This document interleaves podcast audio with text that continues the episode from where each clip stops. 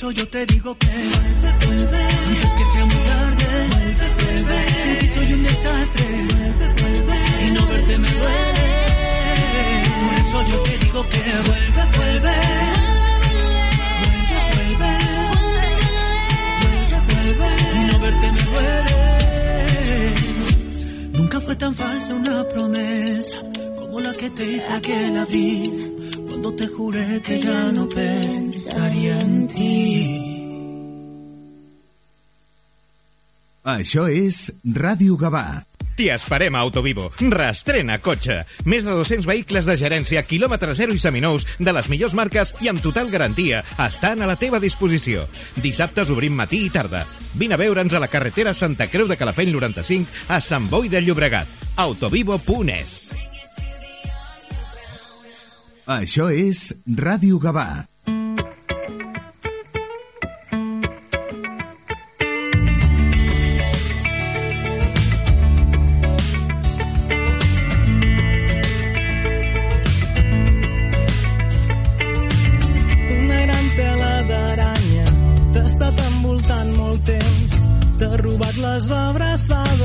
se t'ha endut lluny com el vent. Invisible com les trampes, ferit a mi també.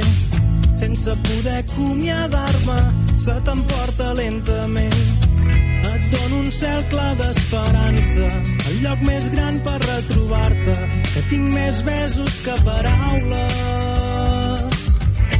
Dono les mans, et dono el meu cor, la meva calor quan no brigui aquest món. T'enyoro i t'abraço, et dono el record, seré la claror que fa fora les pors. Et dono les mans, et dono el meu cor, la meva calor quan no brigui aquest món. T'enyoro i t'abraço, et dono el record, seré la claror que fa fora les pors.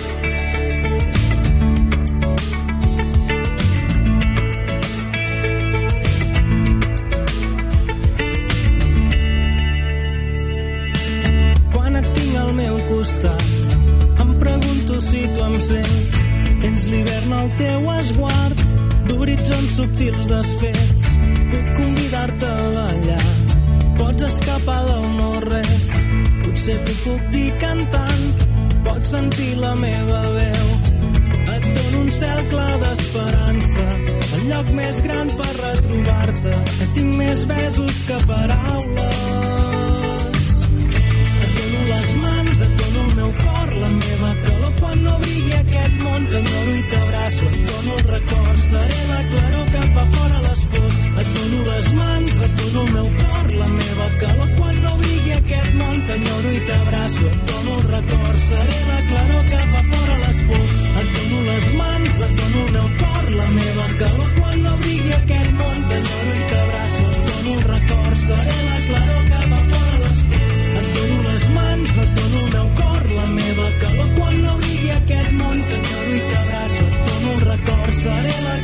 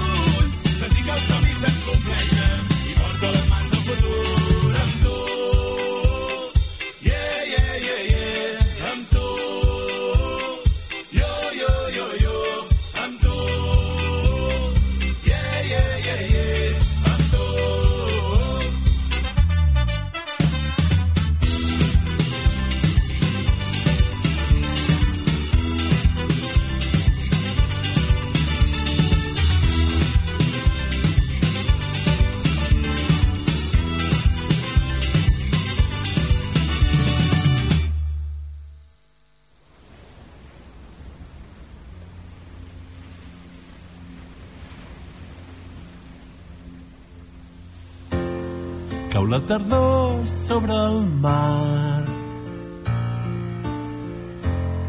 I la tempesta que ens va robar l'agost ha fet lliscar riu avall. Memòries d'un estiu que es va apagant. Cau la tardor sobre el mar ja ningú vol saber res d'aquell sol que ens va abraçar. Esperant.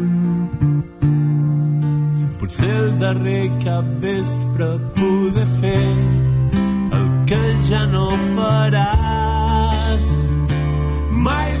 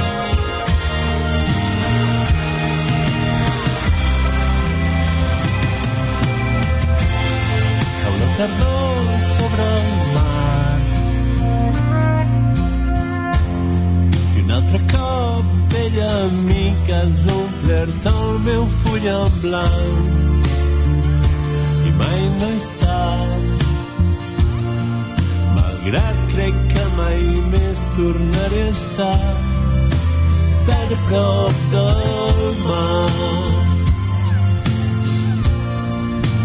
Tan a prop del mar. Tan a prop del mar. Yeah, yeah tan a prop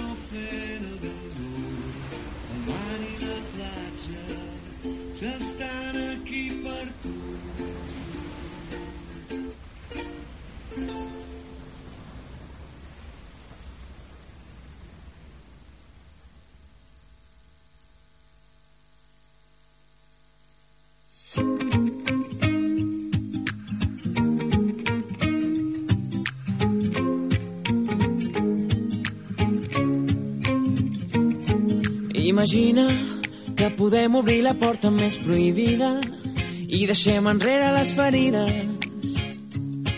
No parem, només camina.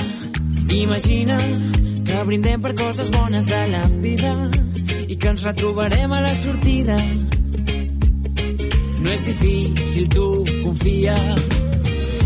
I ara que ens ofega aquest món, guardem la dignitat i podem cridar-ho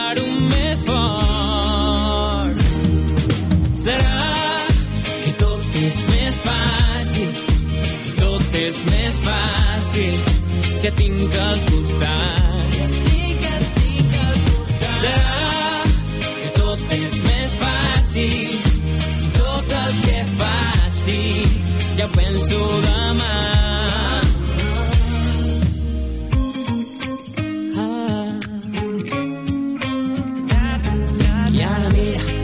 Ens envolta sempre gira,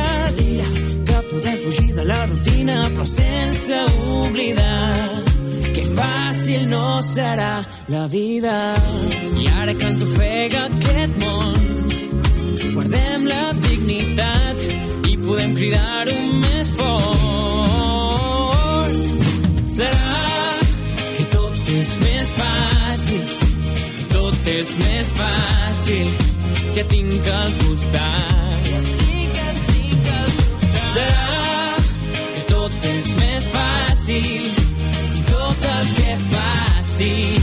Penso demà.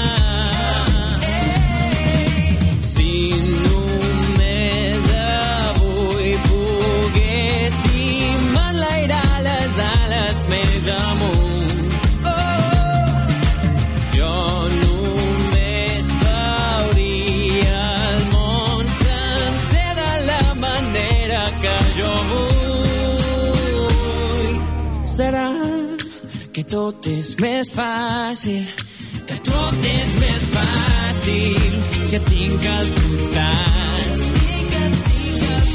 Serà que tot és més fàcil si tot el que faci ja ho penso demà.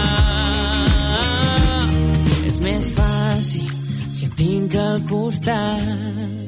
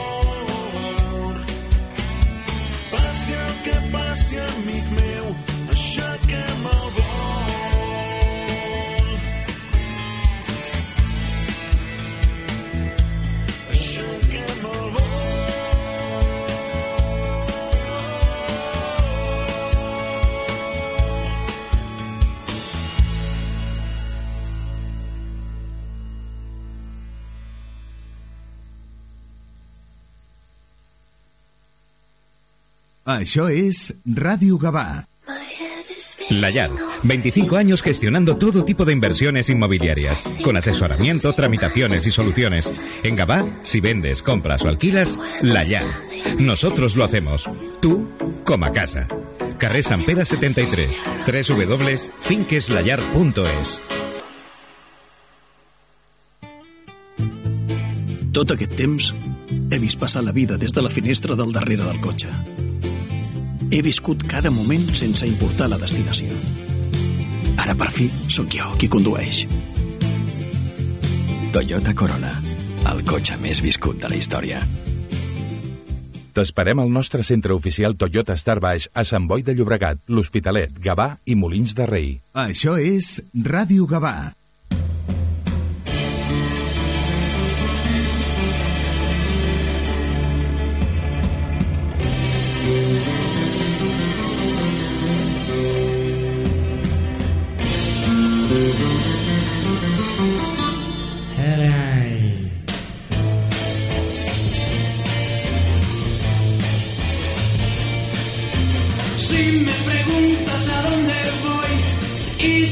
Quieres saber quién soy, piensa que es fácil de adivinar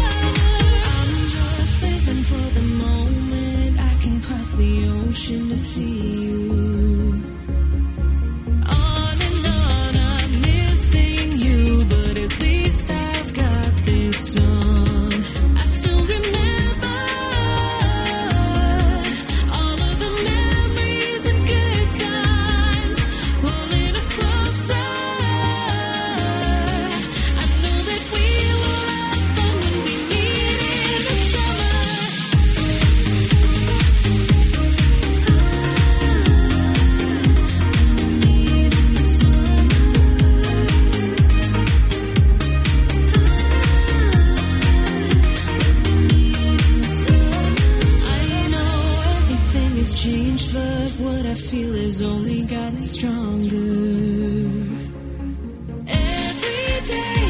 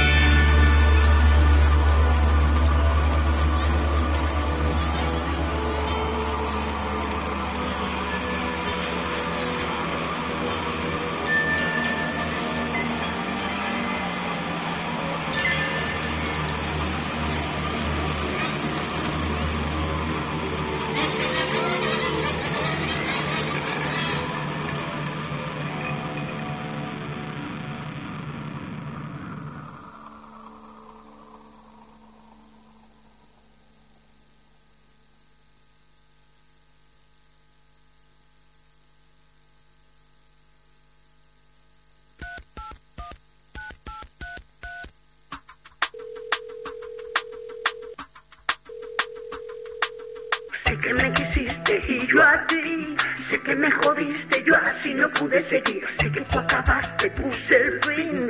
Sé que despreciaste todo lo que hice por ti.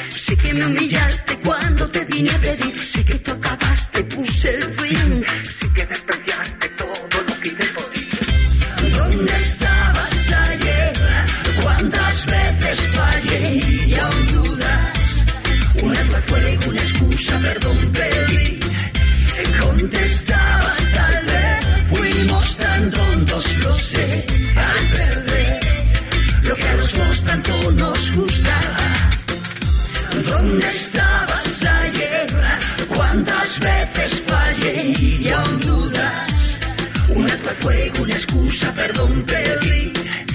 Contestabas tal vez, fuimos tan tontos, lo sé, al perder lo que a los dos tanto nos gusta.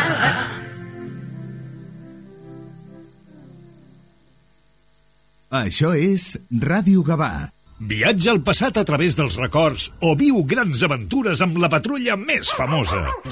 Aquesta setmana gaudeix del millor cinema a la gran pantalla de Cinesa amb Reminiscencia, La patrulla canina, la pel·lícula. Consulta cinemes, horaris i qualificacions a cinesa.es. Aquest estiu, la teva destinació és Cinesa. Per més estrany que sonés fa anys, connectar el teu negoci a internet va ser la decisió més intel·ligent.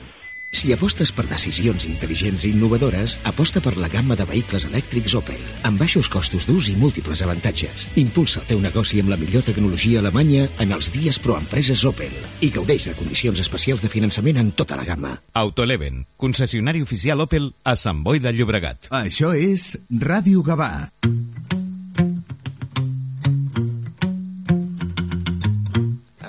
gusta salir a la calle, la buena gente de luz encendida, los corazones que no caben dentro. Ay, cómo me gusta la vida. La primavera de brazos abiertos las canciones que no son mentira, ese milagro que viven los besos. Ay, cómo me gusta la vida. Ir donde nos lleve el viento, donde los sueños nos gritan, donde me dicen de siempre amor.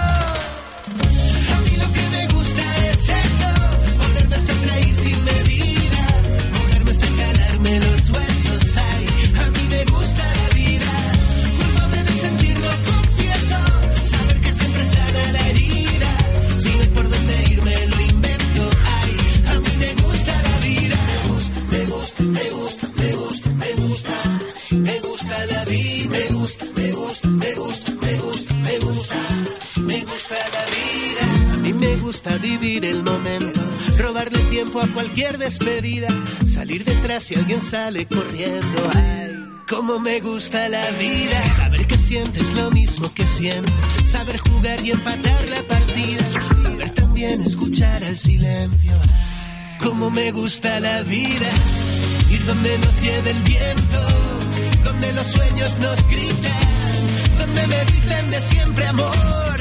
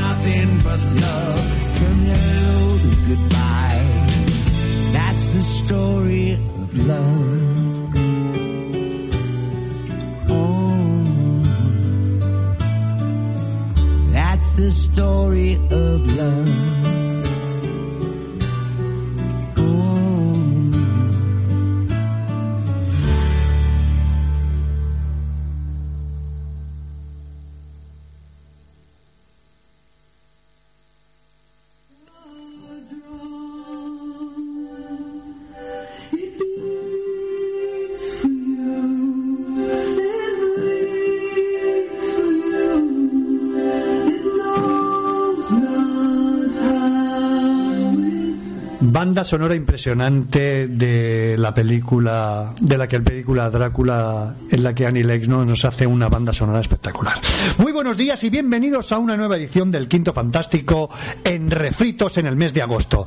En esta ocasión vamos a recordar eh, entrevista que hicimos a Javier Marquina y Ertito Montanas, Montana, cuando sacaron el Abraxas 1. Bueno, mm, la vamos a recordar por eso, porque están sacando ya prácticamente dentro de nada, sale el Abraxas 2 y estaremos ahí atentos para poder hablar con ellos y que nos cuenten esa, esa, esa nueva aventura, ¿no? ¿Y por qué esta música, la música de Drácula? Porque en octubre viene la reedición de El Drácula de Fernando Fernández se acabaron los especuladores. Así que, ah, perdón, se me olvidaba. Pues la editorial la editorial Carten. Vamos a ver si podremos tener ahí a alguno de sus responsables para ver cómo se ha podido, eh, han podido llegar a, a, esta, a conseguir los derechos de, de la reedición de este Drácula. Así que, sin más, os dejo con este refrito y bueno, esperemos que el próximo ya sea en directo y contándonos las nuevas aventuras del Quinto Fantástico en el mundo del cómic. Gracias.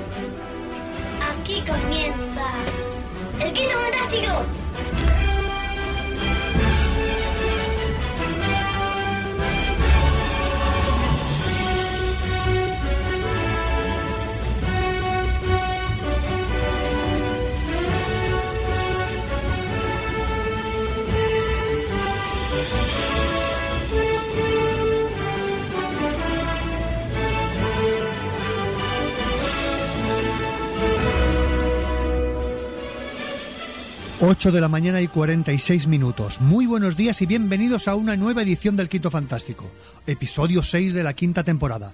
Desde este momento y hasta las 10 de la mañana toda la información del mundo del cómic y de lo que lo envuelve. Fiel a nuestra cita de nuestros dos martes de mes que tenemos ahí reservados en las ondas de tu emisora local, emitiendo en velocidad de curvatura y desde los estudios centrales en la calle Guifer El Pilos, hoy más fresquitos que nunca, prácticamente estamos a 11 grados. Bienvenido a tu programa de cómics. ¿Quieres leer un cómic por la radio? Este es tu programa. Bienvenido a Radio Gabá.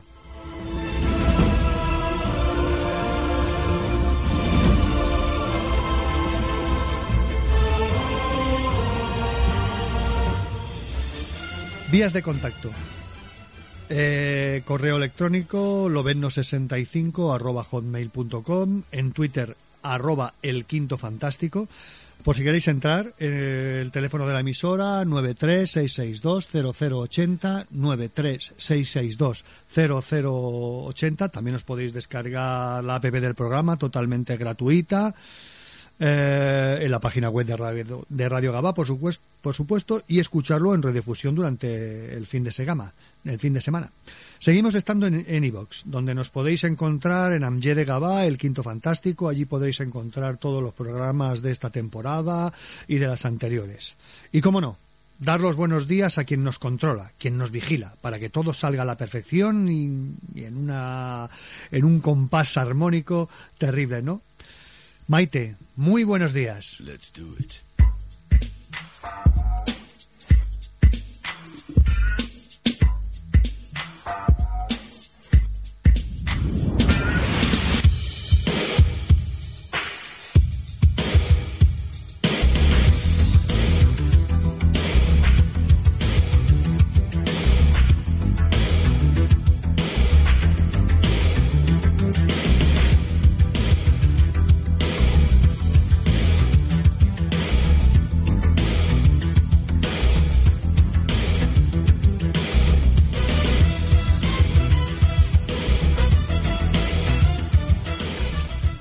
Bueno, mañana fresquita aquí en Radio Gabá y con unos temas bastante bastante interesantes. Hoy tenemos tendremos en la primera parte del programa ten- tenemos una entrevista realizada el, hace dos sábados en, a- en Phoenix Comics en Barcelona, en la calle Florida Blanca, con nuestro amigo Carlos Playbook.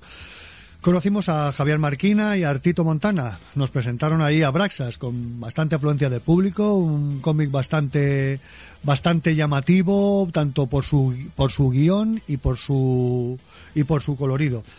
Para después también reco- eh, repasaremos la obra de uno de nuestros grandes, de uno de Fernando Fernández, eh, uno de los de, uno de los fijos de Warren, de Tutain, eh, que nos impactó, que conocimos por en Crepi, los más antiguos. Eh, 1984, una revista emblemática de, de, aquella época, vaya.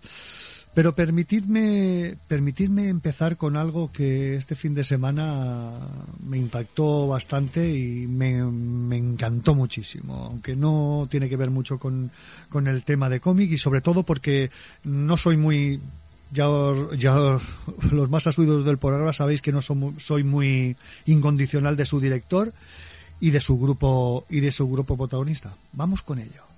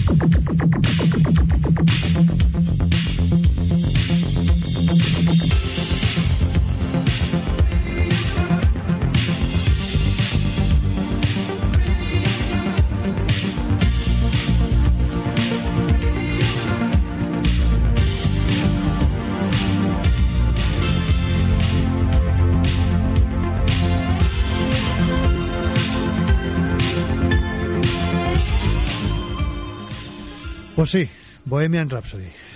Eh, muchos detractores. Tenéis que haber estado hace unos 10 minutos, era para grabar la conversación que estábamos teniendo aquí en, en la redacción con Javi, que es un, un seguidor de la banda de, y de Freddy. Y bueno, yo decía que era muy partidario, muy partidario sobre todo de la película, pero él no estaba, al ser tan fanático, no estaba muy, muy conforme, ¿no? Mira que le hemos dado algunos palitos, ¿no? Al señor Singer. Hasta hicimos una carta para, para que no, para que nos tratara bien a, a nuestros X-Men, ¿no?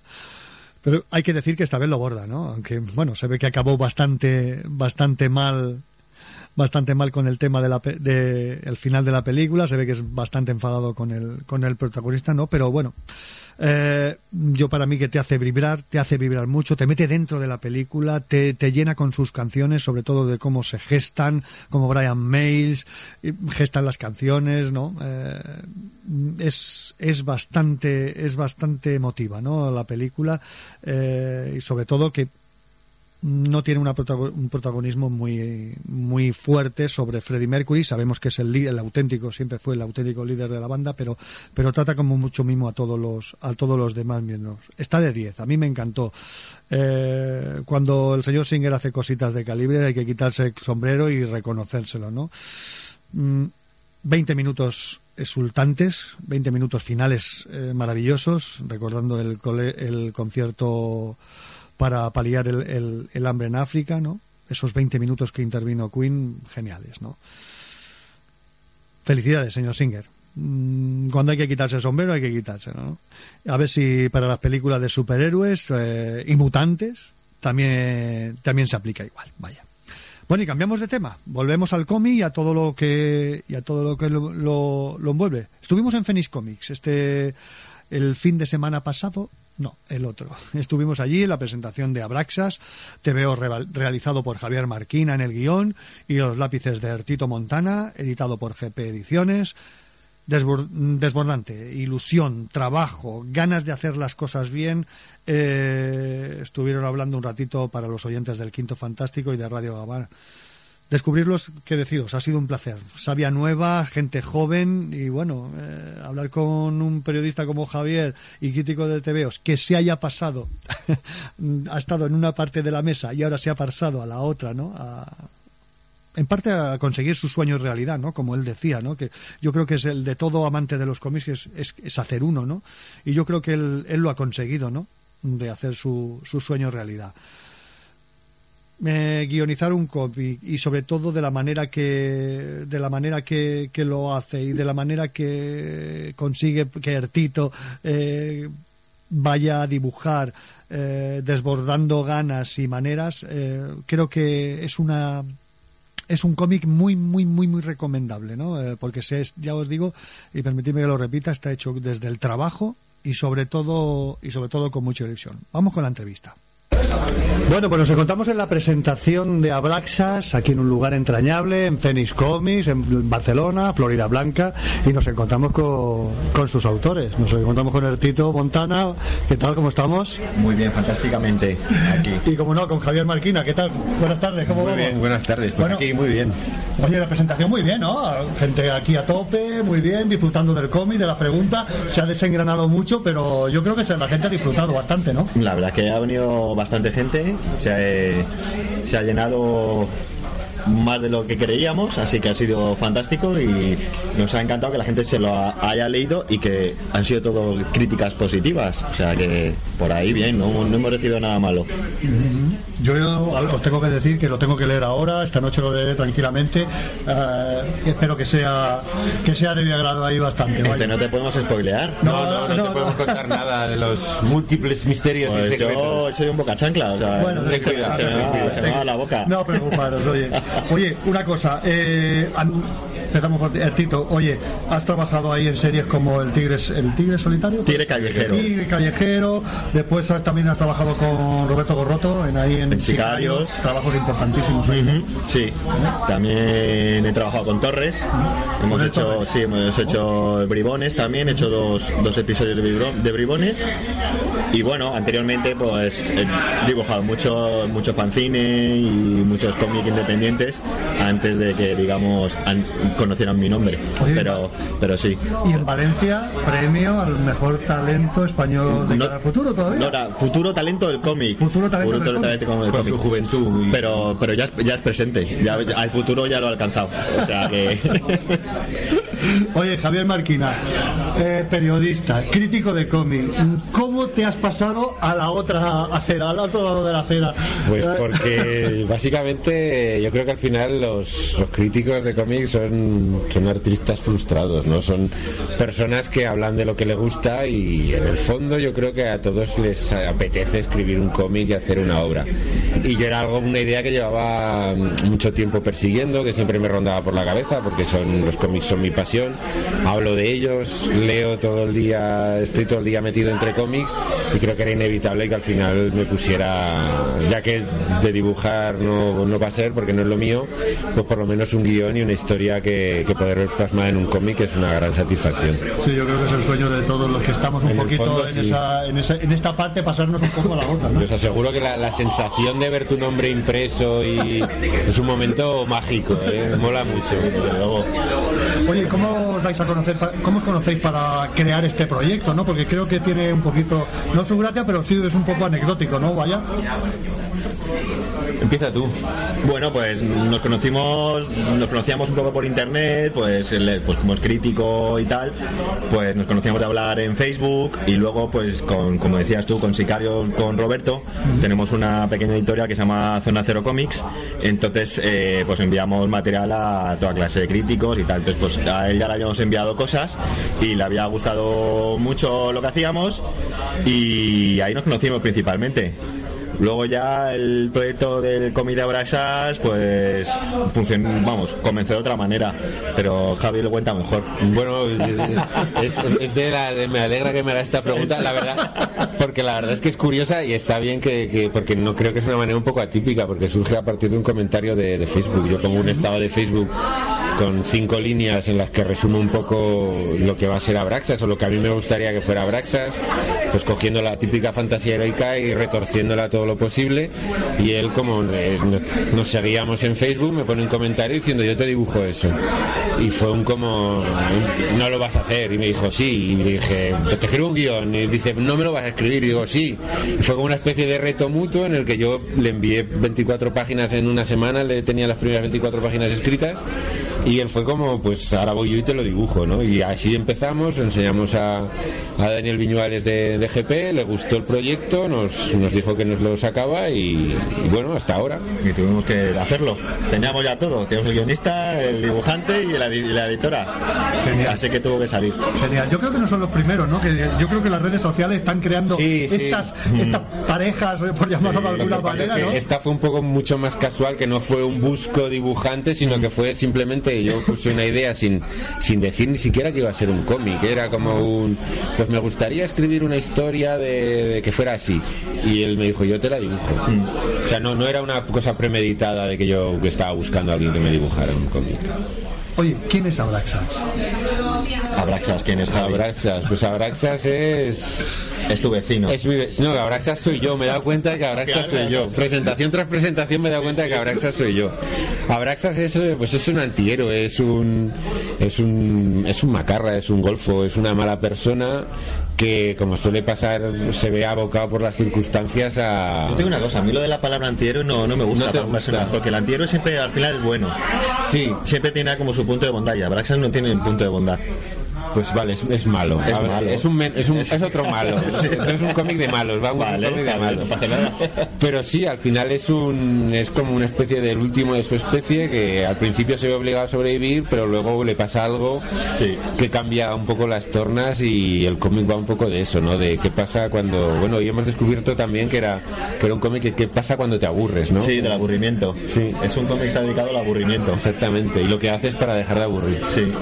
Bueno, lo bueno es que sea también que, que entretenga. Sí, sí, bueno, y por la- los comentarios que, que he escuchado de la gente que estaba aquí, que no es el cómic, lo que creo que lo comentaba Javi, que no es el cómic aquello, es que tengo que buscar una frase, algo, algo que me marque. No, que me entretenga, que disfrute, que me lo pase bien. Yo cuando, cuando empecé el guion, porque además, como te has dicho antes, siendo crítico y habiendo leído mucho y habiendo metido mucha candela, parece que tienes como una especie de super responsabilidad de que tu primera obra tiene que ser un premio nacional del cómic. Y yo precisamente hice todo lo contrario, quizás porque tampoco me veía capaz en, con una primera obra de hacer algo, ni siquiera así en una segunda o jamás en mi vida. Entonces decidí hacer algo entretenido y como he dicho en la charla, algo que a mí me divirtiera, algo que yo leería. Y porque creo que si yo, a mí yo lo leo, seguro que hay alguien más que lo va a disfrutar leyéndolo. Y creo que es un poco el objetivo que, al que tenemos que, que optar, ¿no? Disfrutar con lo que hacemos. ¿Cómo decidís el, el tema dibujo? ¿Cómo lo decidís eh, que sea con este colorcito, así una mezcla de, de color rojizo, con un verdecito? ¿Cómo lo decidís? Bueno, la decisión principal era que iba a ser en blanco y negro. Todos los cómics que yo suelo dibujar, yo siempre voy con la idea de dibujar en blanco y negro. Luego siempre suele cambiar y por problemas, bueno, problemas no, por cosas editoriales o me hacen co- colorearlo o tal. En este caso ocurrió así, pensamos que a lo mejor estaría mejor en color, hice pruebas en color, al editor no le cuadró del todo y nos propuso hacer el tema bitono. El tema bitono yo nunca lo había hecho, pero bueno, eh, cuando me puse a hacerlo me resultó su- súper cómodo, súper entretenido también colorear así y terminó siendo este color. Hice varias pruebas de, este, de colores y la que creíamos que iba más iba a encajar, porque como solo puedes utilizar un tono, si lo pones todo rojo parece todo el cómic agresivo, si lo pones todo azul parece muy frío. Entonces había encontrado un color más planito que valiera para todo entero y terminó siendo este. No, a mí me encanta.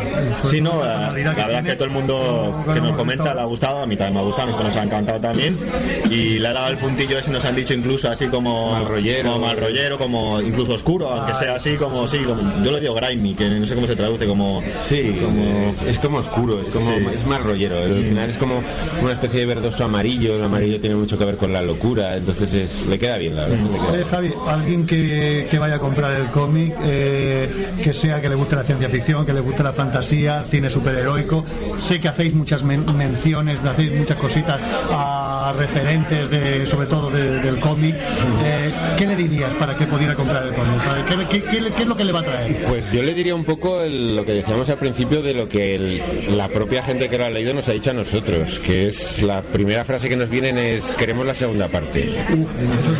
Que creo que eso es importante, no es un cómic que aunque se puede leer y está autocontenido y cuenta una historia cerrada más o menos, pero es un cómic que, que te deja con ganas de más y que sobre todo yo creo que es entretenido. La gente que lo lee se lo ha pasado bien leyéndolo y luego además te das cuenta de que genera muchas lecturas, ¿no? La gente que lo ha leído le pues le hace también darle un poco al tarro y buscar todas esas referencias, buscar de lo que habla, es pero sobre todo eso, sobre todo es un cómic que, que hasta gente que no suele leer cómics sí se lo ha leído por pues, cuestiones familiares, ¿no? De, de hermanos, de se lo han leído y han dicho, joder, me lo he leído de una tirada, es que me lo he leído del tirón y me ha gustado muchísimo. A mí me gusta que la gente cuando me ven, cuando viene y me dice, me lo he leído. Y digo, no me digan más, no me hace falta más, porque ¿cuántos cómics tenemos todos encima de nuestra mesa que, que meses y meses y que no te los lees? Y que dicen, me lo he leído. Y del tirón, digo, tío, eso está entretenido. No sé cuánto has tardado, pero es un entretenimiento que te ha durado un tiempo. Y para mí eso ya es, es mi objetivo, entretener. No pretendo dar más vueltas ni, ni nada. Es entretener como el que va a ver una película, como el que se va a tomar cerveza, es entretenerse. No, no queremos ir más allá. Que también podría darse, pero ya es una segunda, tercera lectura o la lectura que quieras. Pero lo básico que queremos siempre es entretener. Os he leído eh, en una entrevista que os hicieron, no recuerdo si es en, en viñetas, no recuerdo ahora. Viñetas y bocadillos. Viñetas y bocadillos. Me, ha- me ha encantado el tema, eh, cómo habéis reflejado. Dice, Abraxas es un charnado desbocado. Joder, esa frase ha traído frase tela, ¿eh? es tela, ¿eh? Es suya, ¿eh? El ejército. Estaba un poco mamado ya. Sí, sí, lleva- llevaba unas cervezas y su frase tiene de todo como sarnado. Sí, Y esa cuajado ha pues sido. pues es eso, es ¿no? un No sé qué más tengo que explicar ahí. eh, Tiene de todo, tiene fantasía, tiene humor, tiene violencia, tiene sexo, no, y casi nos falta que, tu- que tuviera tiburones. Tiburones. Ay, para la segunda parte. Pero bueno, hay, hay- hay pulpos y tentáculos. Eso sí. Es lo que iba a decir, que oye, tenéis ahí los trolls, los elfos, eh, un poquito, y también le, le metéis un poquito de, de lo que es el universo Lovecraftiano, ¿no? Sí, sí. Lovecraft, ¿no? A mí es que soy, como he dicho en la charla, uso las cosas que me gustan. Entonces va desde, pues eso, desde Akira, a los cazafantasmas, a- al universo de Lovecraft, que yo soy muy fan de, de todo que es Cthulhu y el universo de los primigenios y demás, y lo tenía que meter de alguna manera. El Tito se ha acordado mucho de mí por la cantidad de tentáculos que he usado en el cómic. No he vuelto a comer eh, pulpo en la vida. ya hace meses. Pero bueno, ahí está. Yo creo que era una deuda que yo tenía con, para mí, uno de los escritores referentes del siglo XX y, y yo creo que ha quedado divertido cuando menos, porque es una visión bastante curiosa de, de los, de los primigenios de Lovecraft. Oye, Tito, a finales de año has comentado, lo, me ha llamado mucho la atención el título, La chica del cementerio. Vampiros, muertos vivientes, no sé, bueno, como sale, no sé. Vampiros. ¿Vampiros es- nada más? Vampiras, de hecho. Son- bueno, hay vampiros también, sí, no, la chica es vampiro. El guion no es mío, es de Antonio Sach, es un, es un novelista que ya tiene eh, varias novelas también de- del mismo tema, vampíricas. Y bueno, eh, le encantó cuando ha leído, leyó Tigre Callejero y tal, se quedó prendado de mi narrativa y le gustó mucho. Y ya esto me lo propuso ya el año pasado. Y bueno, tras varias vueltas en varias editoriales y tal, consiguió consiguió abrirse paso en una nueva, no sé si es nueva, la verdad, ediciones dimensionales, que les han gustado mucho el proyecto. Es una editora que, que se quiere abrir paso fuertemente, la verdad, que ahora en España. Estoy muy contento con ellos y supuestamente saldría a fin- a finales de año, pero a lo mejor se retrasa un poco para principios del año que viene. Y va a ser una, pues, 100, 100 páginas, un tomito de 100 páginas que seguramente pues, depende cómo vaya, pues lo mismo tendrá continuación o no, pero sí que es un volumen cerrado de una historia vampírica. No es tan típica como las otras cosas que hago con Sicarios o con Roberto o con Javi y tal, que tiene también mucho humor negro y tal. Esto es como más, no es serio, pero no tiene humor. Es violento, es, es vampírico y tal. Yo, yo digo que es como un manga adolescente de vampiros, pero a mi estilo, sin lo ser que- manga. Es lo que habías comentado antes, Sí. que es más un poco para el público adolescente quizá, pero bueno. Que puede ser es para todo, público, ¿no? pero digamos que no tiene ese toque que otras veces he hecho en otros trabajos como más humor negro y con muchas referencias, como es el tipo de Sicarios o también de Abrasax y tal, sino que es una historia ya más, más novela, pero pasada cómic. Y de Oye. Javi, tú le has pillado el gustillo a esto y te vas a lanzar a otro cómico, a, a guionizar otro, ¿o qué? Sí, bueno, de hecho ya por ahí hay un proyecto que ya está, lo están dibujando, que en realidad es mi primer guion, el- un guion que escribí antes de Abraxas, y bueno, están casi por la mitad dibujado ya, con un dibujante de Zaragoza que se llama Javier Ortiz, nos, nos pondrá el color otro chico de Zaragoza se llama Guillermo Montañés, y espero sacarlo, pues no sé si el año que viene, pero con, con GP Ediciones también, y yo pienso seguir, vamos, tengo varios proyectos con, con Ertito, llevamos varias cosas ahí en cartera, y, y tengo ideas, tengo unas cuantas, otra cosa es que salgan adelante, pero bueno, por ideas creo que no, por ahora no me van a faltar. Oye, pues vamos a esperar el número 2 de Abraxas, tú. Sí, sí. Esto no hay que esperarlo, pero, pero, pero ya, y a ver si lo podemos montar a Carlos, convencerle para que, te- que nos haga otra presentación. Sí, como sí, seguro que seguro que sí. Ya está muy bien. Oye, el Tito, Javi, felicitaros, daros las gracias por estar en el Quinto Fantástico de Radio Gabá, por haber estado aquí un poquito compartiendo vuestra alegría, porque yo creo que os veo felices, alegres, de, de que vuestro hijo vaya, Sí, vaya, vaya- vaya creciendo. vaya creciendo, sí. Y, oye, te- visita, eh, tenéis Zaragoza, Valencia, el Salón del Cómic de Valencia, ¿iréis? Pues no lo sé si nos tocará al Splash de Sagunto, yo creo que en las jornadas de cómic de Valencia estaremos, en el Salón del Cómic de aquí de Barcelona, algún tipo de presencia yo creo que también, aunque sea el cómic estar allí. Bueno, ya veremos, estamos aún en octubre, por ahora la, la cita, la próxima cita imprescindible es Zaragoza, que además es jugar en casa, porque la editorial GP es aragonesa, con lo cual ahí nos veremos.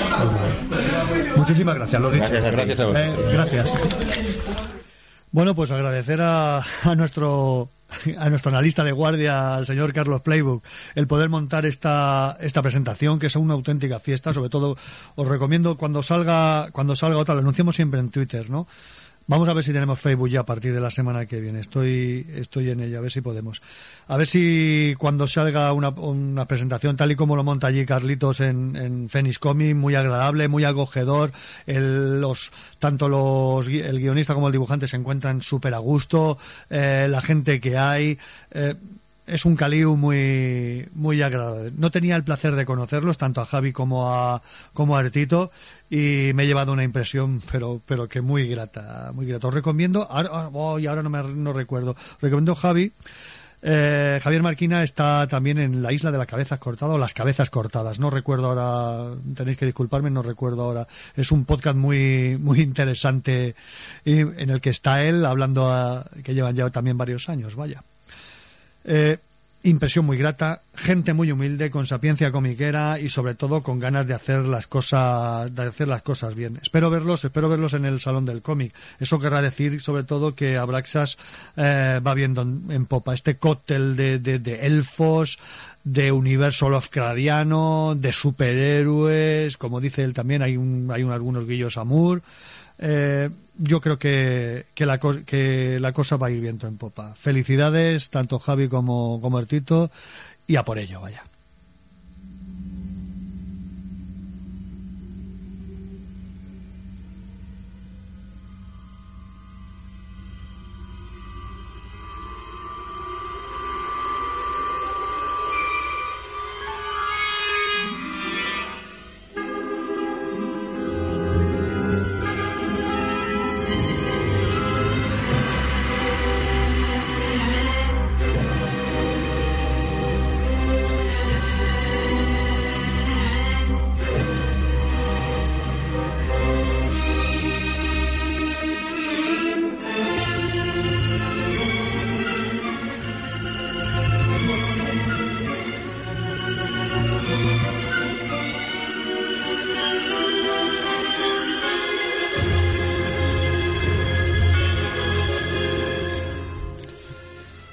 Esta sintonía de, de John Williams, para una adaptación del Drácula de- del año 79, nos vamos a, vamos a realizar una, una- un pequeño, una pequeña, como, bueno, una entrevista rescatada de YouTube, ¿no? Que se realizó en el 2007 a, a Fernando Fernández, ¿no?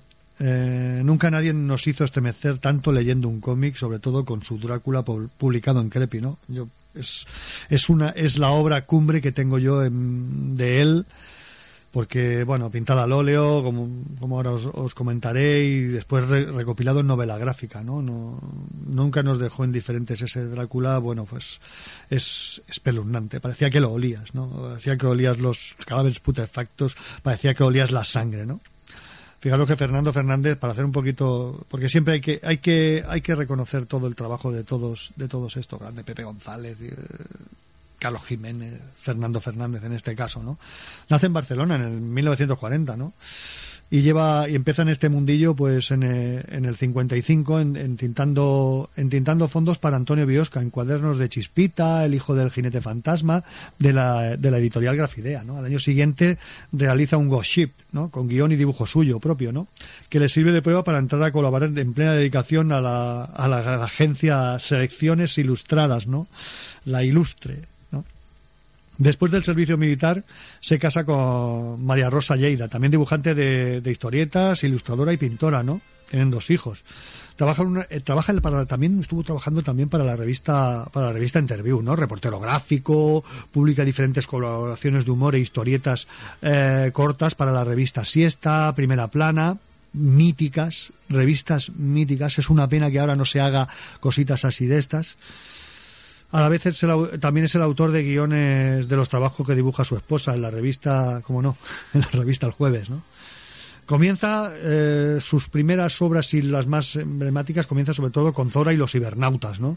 Cómic de ciencia ficción publicado por entregas en la revista 1984. Es es un- una primera toma de contacto sobre todo en color, ¿no? Fijaros que muchas de las aquellas historietas en, el, en 1984 en la revista y en Crepi algunas venían en blanco y negro y otras venían eh, en color, ¿no?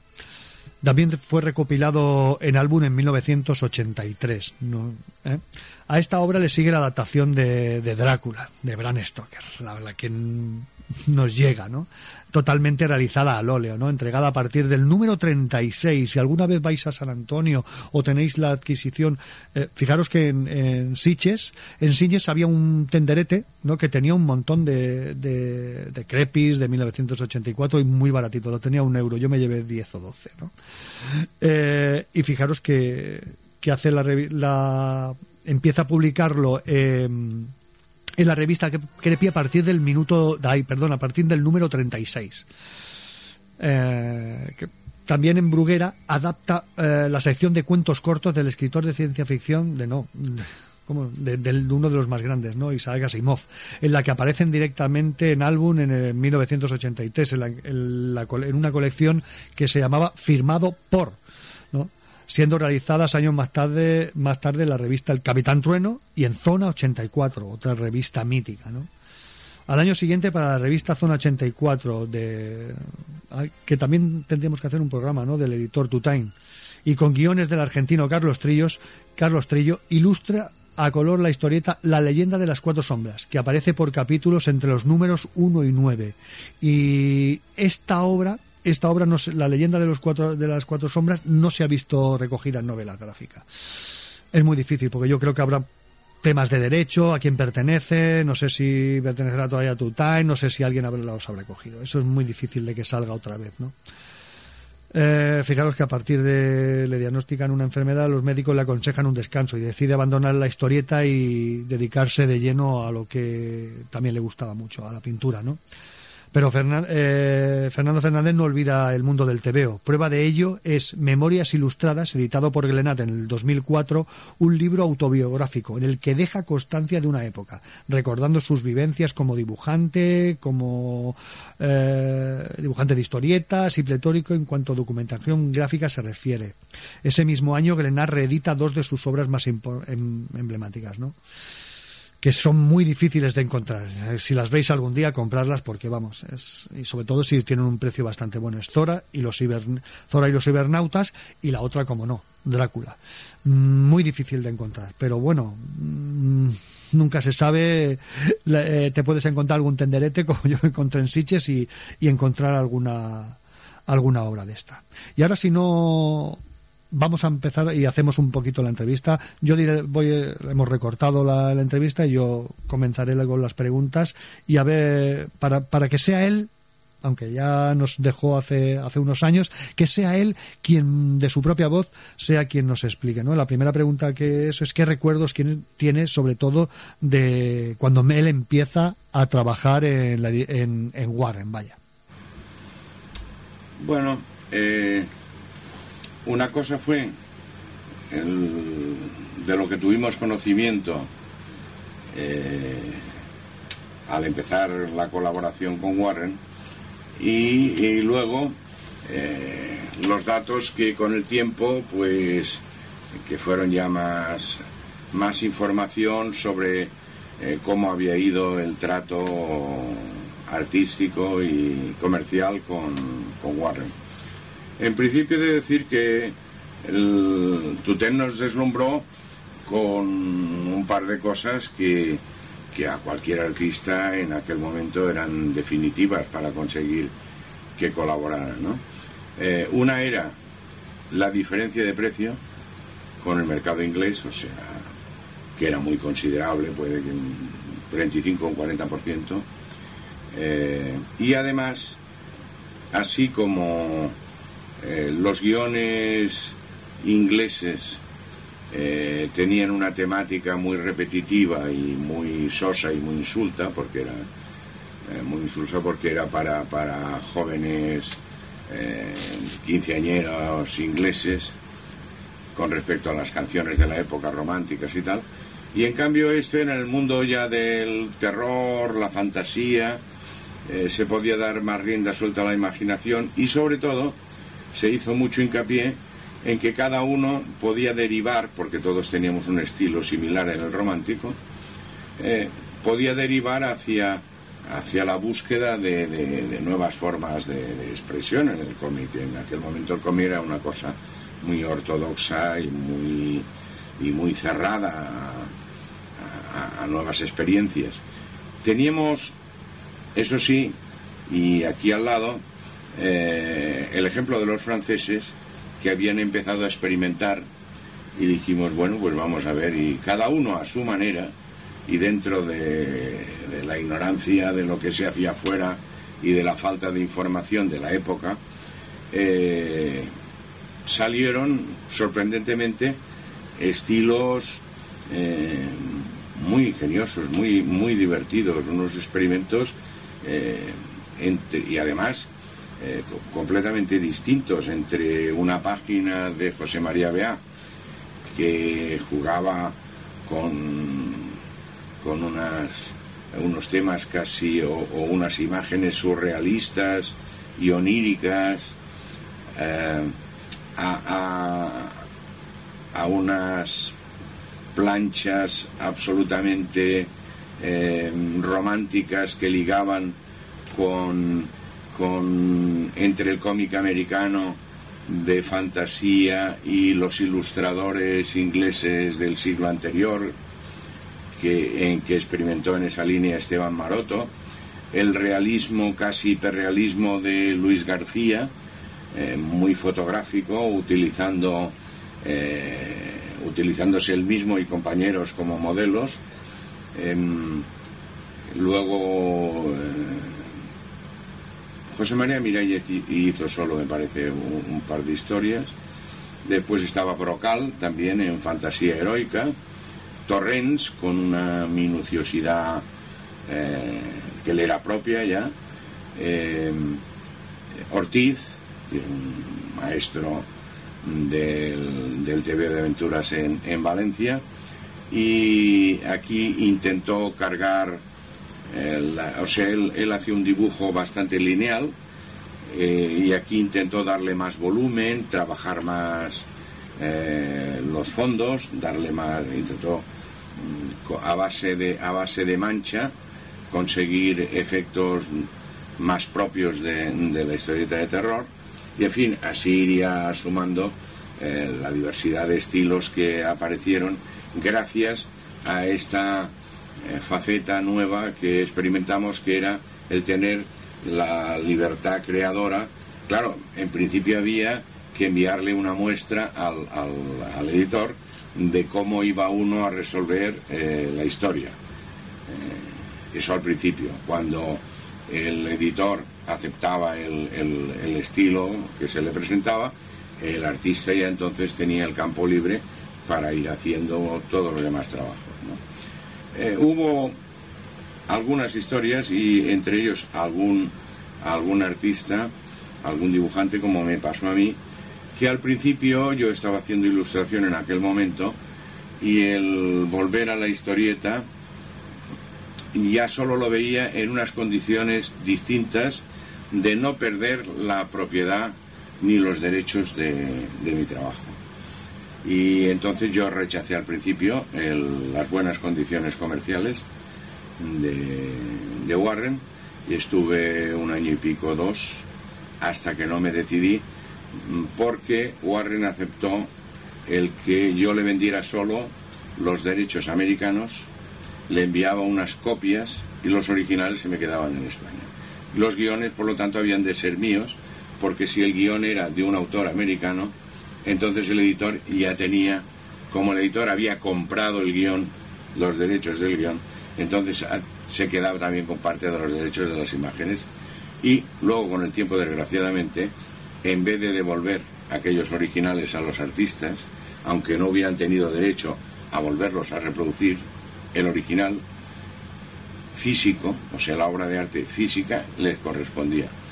Pero cosas de la época Tutén se ve que firmó una cesión total y todos aquellos originales se perdieron.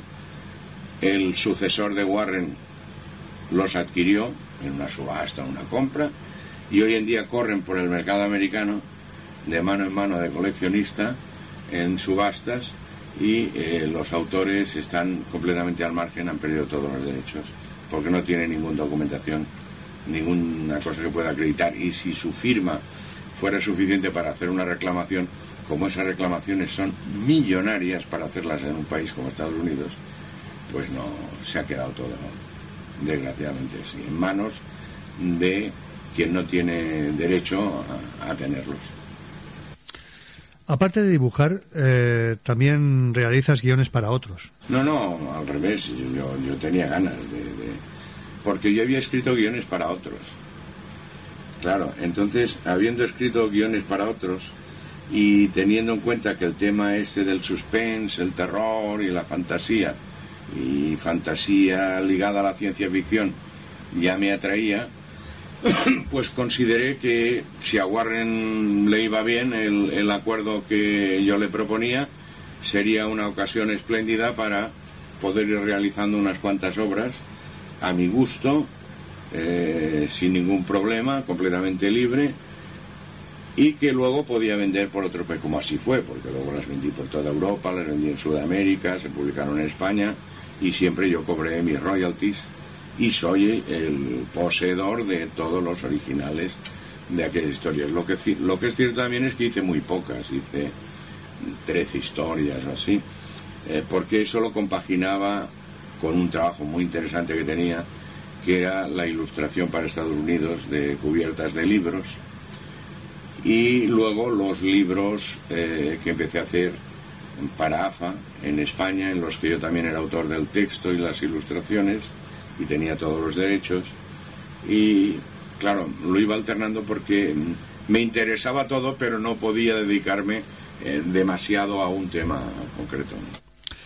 Ganaste un premio Warren. Bueno, era un premio de prestigio, por decirlo así, em, por reducción. O sea, la única editorial que publicaba unos trabajos con cierto con cierta calidad plástica, eh, con cierta creatividad en aquel momento en Estados Unidos, después las cosas han variado, pero eh, en aquel momento la única editorial era la Warren. Entonces, si la Warren por un medio u otro hacía una selección de lo que consideraba la mejor obra publicada durante un año, el guion o el dibujo o tal, claro, tenía una resonancia importante porque eh, era como una selección de la selección, ¿no? Era una selección de lo mejor, dijéramos, ¿no? Y allí en- en- competían los artistas que había de- del país americano, algún sudamericano, algún filipino y los españoles. Un tema un poquito, un, pote- un poquito delicado. Las modelos que se utilizaban, amigas, profesionales, chicas perdidas. Sí, no, no era para la Warren y, y vamos, prostituta. no lo recuerdo, no. No, lo que sí eran modelos. Modelos. Modelos. Eran modelos, eh, modelos de, de pintura, porque las modelos de publicidad eran muy caras. Y entonces eh, también utilizamos algunas profesionales que como la agencia eh, en aquel tiempo estaba produciendo fotonovelas, que también me metí en lo de la fotonovela y dirigí unas cuantas, pues había chicas eh, como una tal Encarna o como la Margie Coxis, que se hicieron a mí, que la Margie Coxis era aficionada a la pintura, era una buena pintora, y eh, se prestó para hacer algunas sesiones fotográficas a un precio razonable, a un precio para, para dibujante de cómics, que no es el precio de una agencia de publicidad.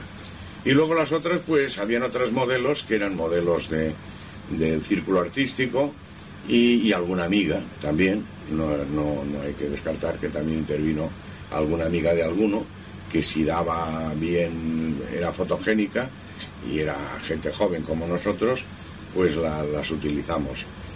Pero diría que las utilizamos tanto en, en, historieta como en portadas, porque hacíamos portadas de fantasía eh, heroica, ¿no? Eh, de capa y espada, y de ciencia ficción, y portadas policíacas, y portadas de western que tenía un guioncito y luego decía sexy, que era en las que aparecía una mujer eh, de, salón medio, medio, a medio vestir y el pistolero allí muy chulo. Y para todas estas imágenes que necesitábamos de, de mujeres, un- imágenes un poco picantillas para la época, ahora nos parecerían muy inocentes, eh, pues usábamos modelos, sí.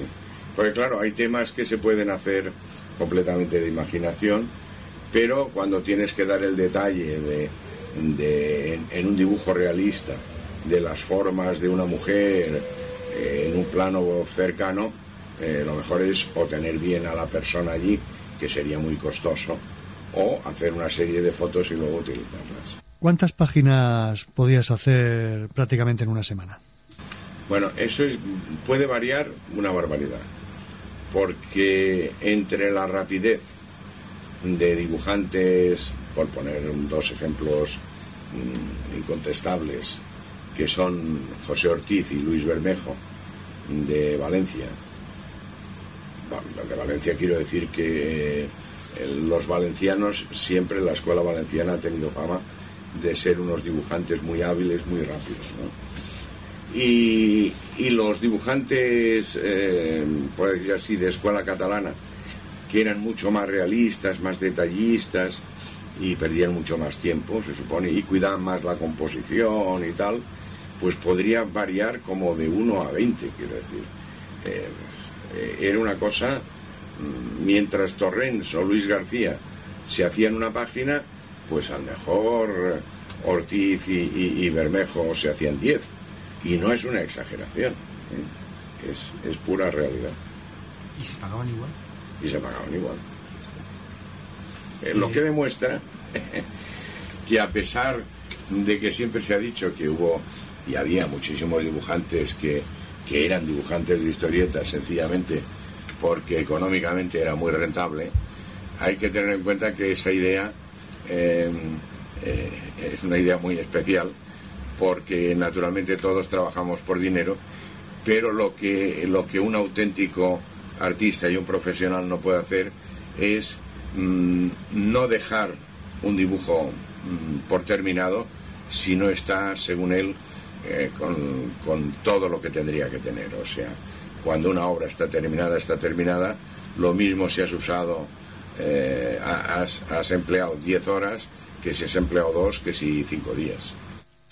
¿Era norma- normal cagarla con el dibujo final? Alguna vez, alguna vez. Más, más en pintura que en dibujo. Más en cosas pintadas que en dibujo.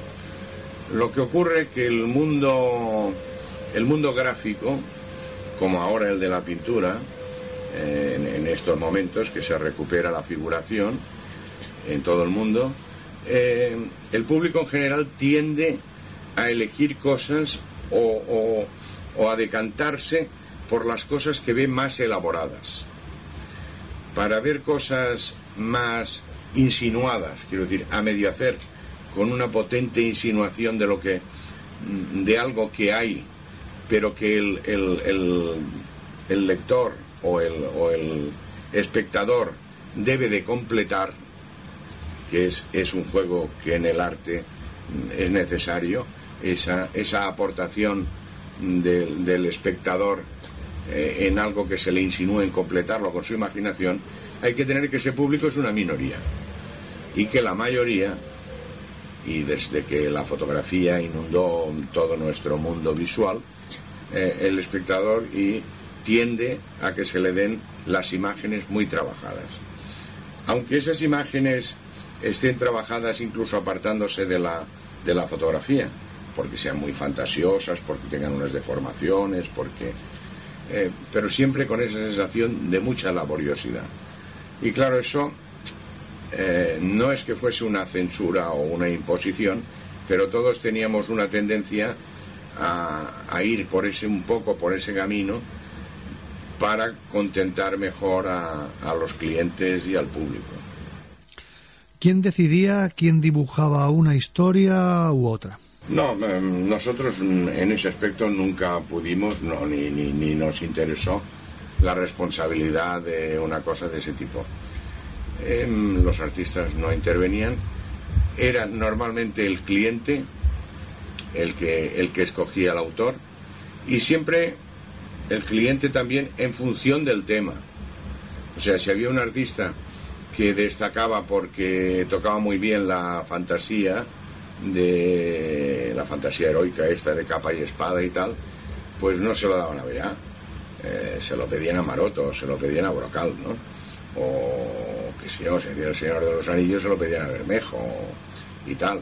Si hacía una cosa muy macabra y eso, pues se lo pedían, yo que sé, a Luis García, porque iba a dar un detalle allí pelo a pelo del hombre lobo, por ejemplo, ¿no? Y en, en mi caso particular no había problema porque yo enviaba la historia hecha, es decir, si les gustaba bien y yo también, se las quedaron todas siempre. Y, y así se hacía más o menos, o sea, depende del estilo y la tendencia y de cómo mejor tocaba un tema, se lo daban a... Pero ya directamente siempre era el cliente el que lo pedía. ¿Cómo se hacía la documentación dentro de las propias secciones? Bueno, aquí cada uno se las apañaba como podía. ¿no? Hay persona que ha utilizado mucho el proyector de, de cuerpos opacos. Hay gente que, que piensa que teniendo un proyector de cuerpos opacos, pues cualquiera puede hacer unos magníficos dibujos, ¿no? Eh, la realidad es que eh, un proyector de cuerpos opacos lo puede comprar cualquiera y luego sacar una imagen hiperrealista no lo puede hacer cualquiera. ¿Por qué?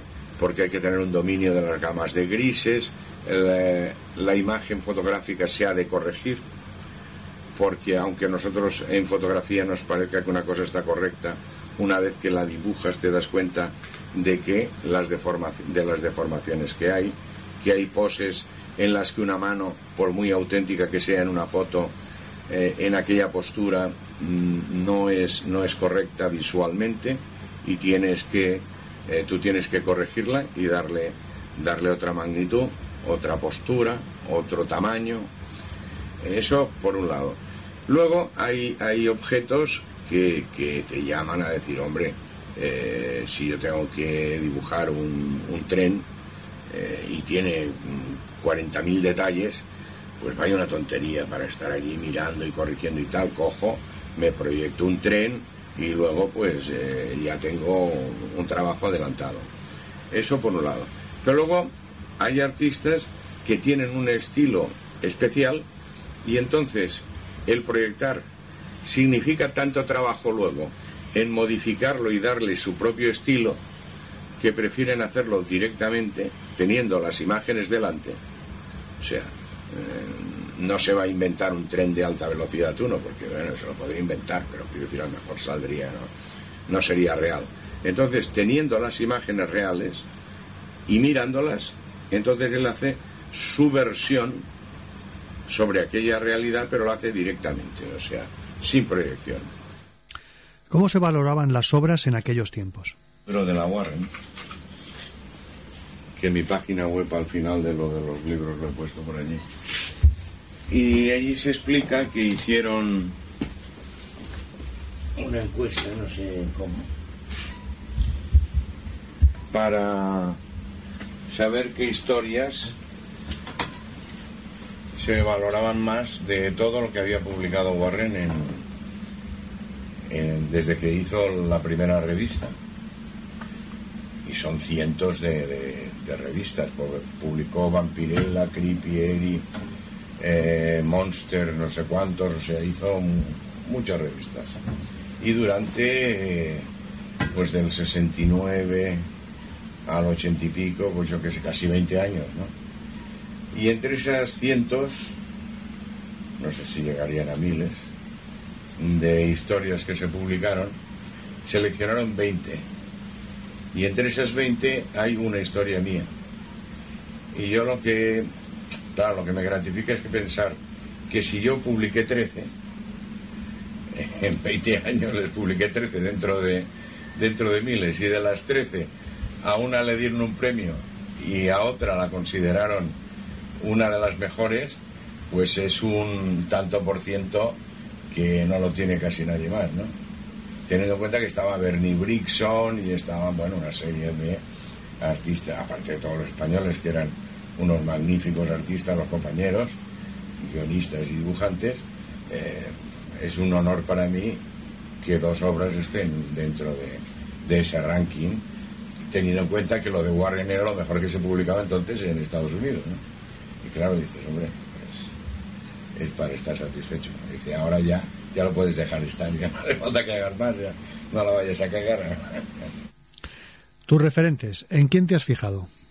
Yo reconozco que para buscar unos referentes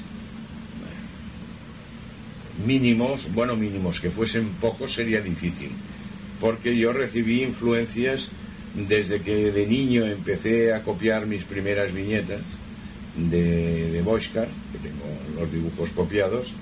Cuando vi El Príncipe Valiente con 13 años o así, ya me volví loco. Y luego descubrí a Raymond, bueno, Raymond ya lo había visto, en- pero muy mal impreso, en cosas de hispanoamericana, de, después de la guerra o antes de la guerra, unos cuadernos enormes, era una cosa que llamaba muy poco la atención porque estaba muy mal. Luego cuando vi las buenas reproducciones, la pincelada de, de Raymond me dejó también impactado. Entonces, para mí Raymond y Foster, en aquel momento del inicio, fueron los faros que me guiaban. Luego descubrí también a Robbins, que me gustó mucho, con Canif, porque me faltaba un mancha. Eh, los anteriores dibujaban sobre todo a línea, y entonces me gustaba la ciencia ficción y, y vi dónde Boschcar había ido a buscar la mancha, que era con Barry y con Robbins y tal.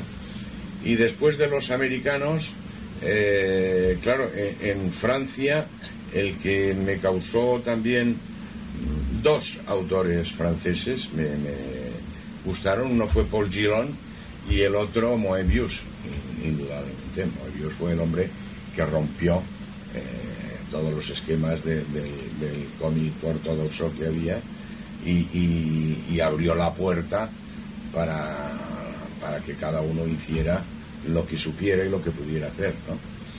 Y a ese hay que agradecérselo siempre. Su trabajo anterior del teniente Blair era buenísimo, pero era, pues, era un, un- un sucedáneo de los americanos, dijéramos. A partir de a partir de Moebius, o sea, de, de firmar Moebius, ya su obra cambió y la revista también hizo que, que todos los dibujantes nos mirásemos a Francia. En Italia habían habido eh, también algunos importantes como Bataglia y Topi, que fueron un referente en cuanto a técnicas y formas de composición de la página. Empezó Guido Crepas, pero era un hombre excesivamente eh, sofisticado, excesivamente eh, elitista, y en cambio Topi y Bataglia eh, lo llevaban al lector medio, comunicaban muchísimo mejor, ¿no? Y en España, pues pasa que yo creo que nos encontramos todo un grupo, más o menos a un nivel parecido, y que teníamos, eso sí, las mismas inquietudes y, y los, eh, los referentes casi eran comunes. Todos estos autores que he ido nombrando nos habían sido comunes a casi todos. Anteriormente, eh, claro, yo había visto en España, y quizá el hombre que tenía el estilo más elegante respecto a pincelada y me había llamado mucho la atención, fue Blasco.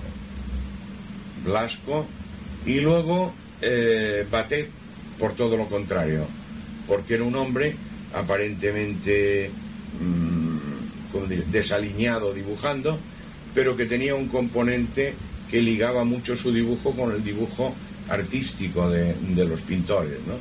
Era, era una especie de, de pintor que se había puesto a hacer unas historietas y no tenía un estilo depurado como los historietistas y sin embargo sabía dar un ambiente y una vitalidad a las historietas que no era propio de la época. Luego estaba Niranzo, que era un, un- un gran dibujante, y, y sobre todo eh, el Capitán Trueno, Ambrose. ¿no? Pero yo los veía un poco lejanos porque eh, su sintetización no ligaba un poco con mi estética y por eso me acercaba más a lo de los italianos, franceses y americanos. Del original a lo que sería la página empresa, ¿se perdía en calidad? Claro, sí, pero esto es normal. Es normal que, claro, el, dibujante de cómics si sabe que está haciendo un trabajo para una revista popular, de gran tiraje, que utilizarán un papel más o menos económico en una imprenta también más o menos económica, por decirlo de alguna manera. En España, pues durante muchos años se publicó muy mal. En Francia, con Pilot y con humanoides y todo esto, se elevó el nivel de la calidad. En, en Italia, eh, con las revistas italianas, el nivel de calidad de reproducción también era más alto. Y luego en España, Tutén, pues lo elevó un poquito y actualmente se publica muy bien. Lo que ocurre que, claro, no se puede comparar una edición para una revista o para unos álbumes con la edición de un libro de arte, en el que se busca papel de más gramaje, con unos satinados especiales, en fin, que tiene otro tratamiento, a lo mejor una gama más amplia de, colores, y aun y así uno va y compra un libro sobre Velázquez, y luego te vas y compras un libro sobre Velázquez, otra edición en otro sitio, y luego te vas y compras una inglesa, y luego compras una alemana, y ninguna se parece. En una las entonaciones son más frías, en otra más calientes, en una... O sea, eh, la reproducción conlleva eh, una adulteración del original. Contra más barato sea el medio, claro, más adulterado queda. Los primeros autores. eh, en selecciones ilustradas había dibujantes que, que trabajaban en su casa, vaya. No, había, había quien trabajaba en su casa, sí. Trabajaba en su estudio y otros en el estudio común y había gente que lo alternaba y se tiraba pues un mes trabajando en grupo y luego otro mes trabajando en su casa. Bueno, como era absolutamente libre, pues cada uno en ese aspecto hacía lo que le venía en gana, ¿no? Y ya para fina- finalizar, ¿cómo se editaba en el resto de Europa? había gente, habían unos editores, unos clientes en el norte de Europa, en Estados Unidos, en Inglaterra, en el centro de Europa, y editaban cosas muy diversas. En el norte de Europa se editaban revistas femeninas, muchas revistas femeninas, que precisaban ilustraciones a todo color de, de tema femenino, o femenino quiero decir romántico, en novelas rosas, por decirlo de una manera clara, ¿no? Y eh, esas novelas se publicaban por capítulos y cada capítulo llevaba una ilustración, a veces a doble página, a veces una página, eh, con mucha dignidad, ¿no? Y lo pagaban bien. Luego en Inglaterra también habían ilustraciones, portadas de libros y historietas. En el norte de Europa también habían historietas para revistas locales. Eh, y todo eso tenía precios diferentes. Y en Estados Unidos igual habían portadas, habían trabajos para Warren y habían otros trabajos para otros editores que siguiendo la línea de Warren, el Skywall y tal, eh, publicaban unas revistas de terror que ya eran inferiores en, tiraje probablemente, en, en- en aceptación popular y pagaban un poco menos. Entonces, ¿qué ocurría? Pues que habían unos artistas que eran reclamados por o aceptados por los editores que pagaban más. Quizá también eran los que exigían más, eran más exigentes en, sus cosas, en sus gustos y en sus directrices artísticas. Claro, eso hacía que hubiera un grupo que económicamente eh, se ganaba, por decirlo así, mejor la vida, otro grupo que accedía a, a unos trabajos de un escalón inferior y un tercero que tenía los trabajos eh, más sencillos. Dices, bueno, ¿y eso era una cosa rígida? No. Había alguien que empezaba, empezaba por el escalón de abajo, después se esforzaba, subía al otro y subía al otro. Mm, Había gente que tenía eh, la necesidad, la inquietud de, de hacer cosas a color y del blanco y negro, pues llegaba un momento que se pasaba al color. Y habían otros que con el blanco y negro se encontraban cómodos, como por ejemplo, y artistas de primera clase, como Carlos Jiménez, o como José Ortiz, o como en aquel tiempo también Bermejo, y se quedaron en, en el blanco y negro porque no tenían la necesidad, no les gratificaba tanto, o a lo mejor lo que querían explicar eh, lo explicaban mejor en blanco y negro y en unas historias muy personalizadas y el otro mundo del encargo a color o de las historietas a color que significaban un esfuerzo en otra dirección, eh, pues no, les interesó tanto.